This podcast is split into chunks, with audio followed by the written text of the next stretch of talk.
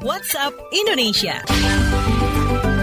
WhatsApp Indonesia, kita mulai dari kabar anak. Seluruh peserta pemilu diimbau tidak melibatkan anak-anak dalam masa kampanye.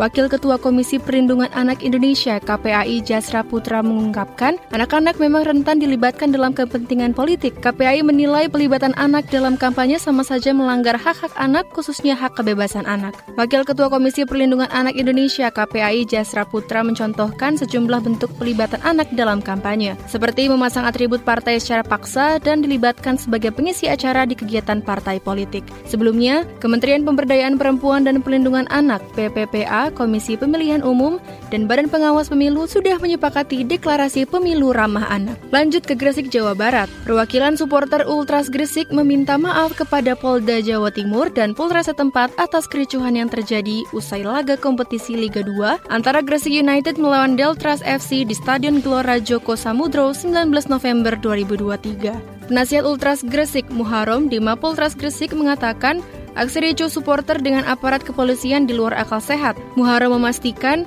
ke depan, Ultras Gresik akan sering melakukan konsolidasi dengan Polres Gresik terkait artis sportivitas dan fair play. Muharram juga menyampaikan, beberapa korban luka dari supporter Gresik United sudah diperbolehkan pulang dari rumah sakit. Sebelumnya, Kapolres Gresik Aditya Panji Ano menjelaskan kericuhan berawal dari kekecewaan penonton tuan rumah karena timnya kalah 1-2 dari Deltras FC. Sementara Aliansi Masyarakat Sipil untuk Reformasi mengecam penggunaan gas air mata selama penanganan kerusuhan. Aliansi menilai tindakan aparat berlebihan.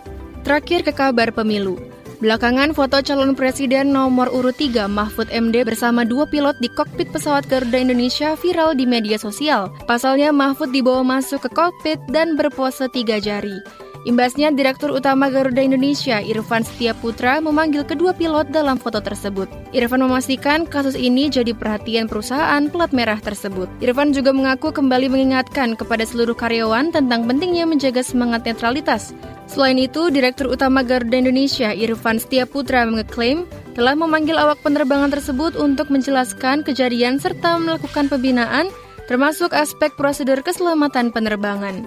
Berdasarkan Civil Aviation Safety Regulation CASR, hanya orang-orang tertentu dan yang mendapatkan izin bisa masuk ke kokpit, yaitu kru pesawat, pelaku inspeksi yang ditunjuk oleh maskapai, pegawai pemerintah, pemegang sertifikat khusus, atau siapa pun yang diizinkan oleh pilot yang memegang kendali dan telah diberikan otoritas dari manajemen dan perusahaan maskapai penerbangan. Demikian WhatsApp Indonesia hari ini.